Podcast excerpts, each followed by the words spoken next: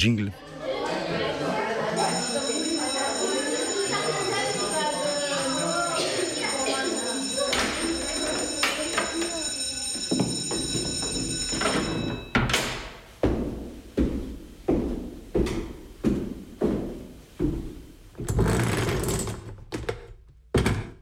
gostujočimi komentatorji in komentatorkami sprevračamo katedro Radia Student. Premislimo izobraževanje pod katedrom.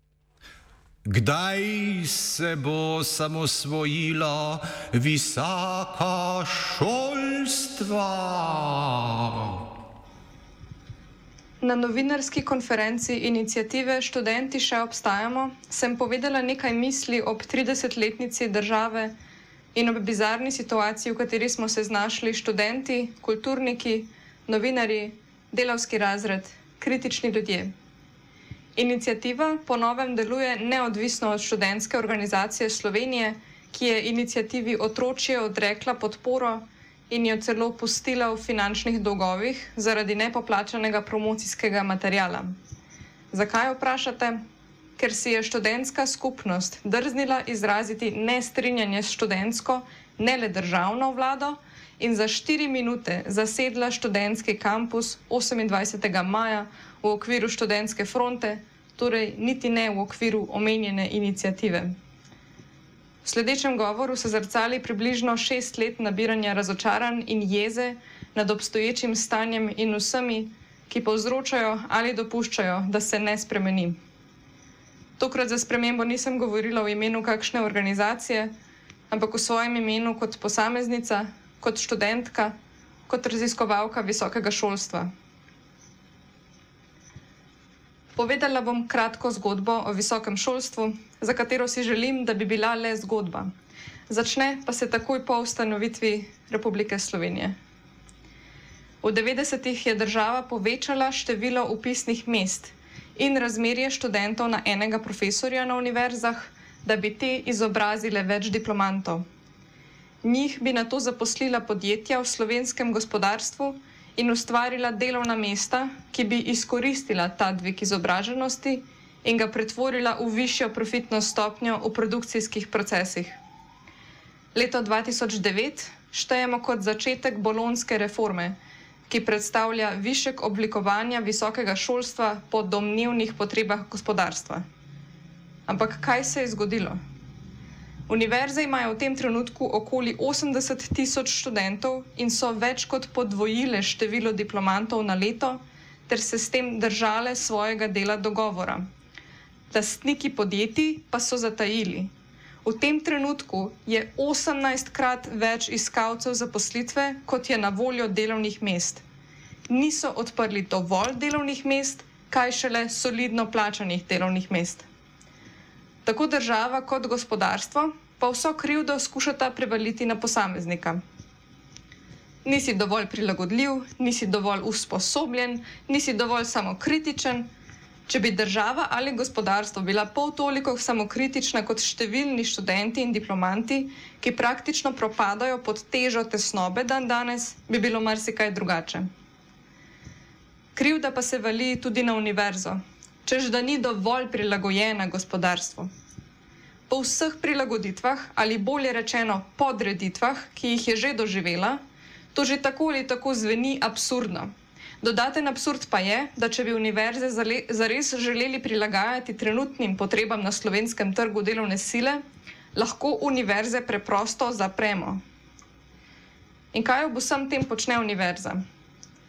Zdi se, da stoji zraven in gleda stran. Univerza živi v odvisnosti od vsakokratne vlade, posledično pa v odvisnosti od kapitala. Od obeh posvaja tudi načine obvladovanja uvaja vedno bolj kaznovalno politiko za študente, ki so poleg študija v študentskem statusu našli tudi socialni azil pred brezposelnostjo. Še vedno velja, da so slovenske univerze v prvi vrsti cehi profesorjev in ne skupnosti študentov in profesorjev, kar je med drugim posledica prav tega istega podrejanja državnim kadrovskim potrebam in diktatu kapitala.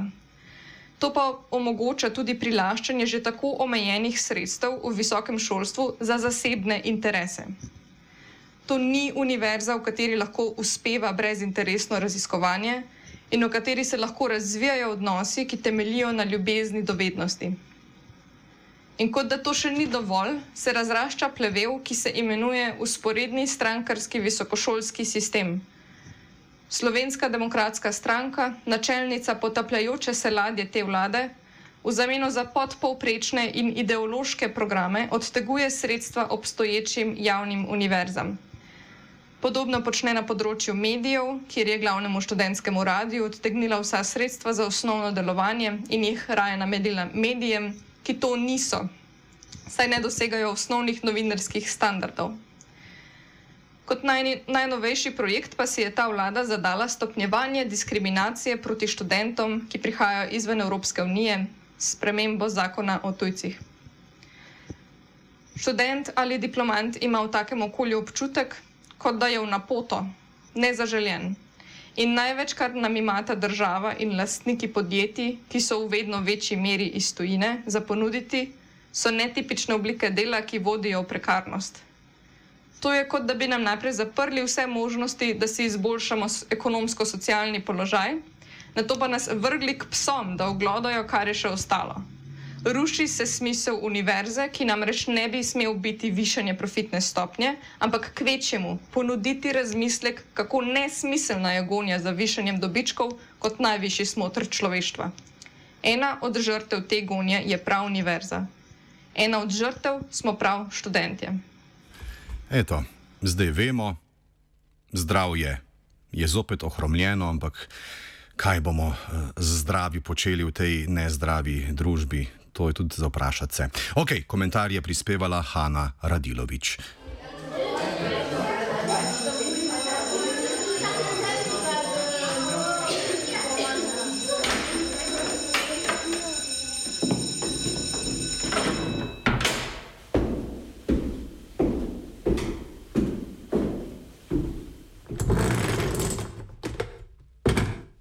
Gostujočimi komentatorji in komentatorkami sprevračamo katedro Radia Student. Premislimo izobraževanje pod katedrom.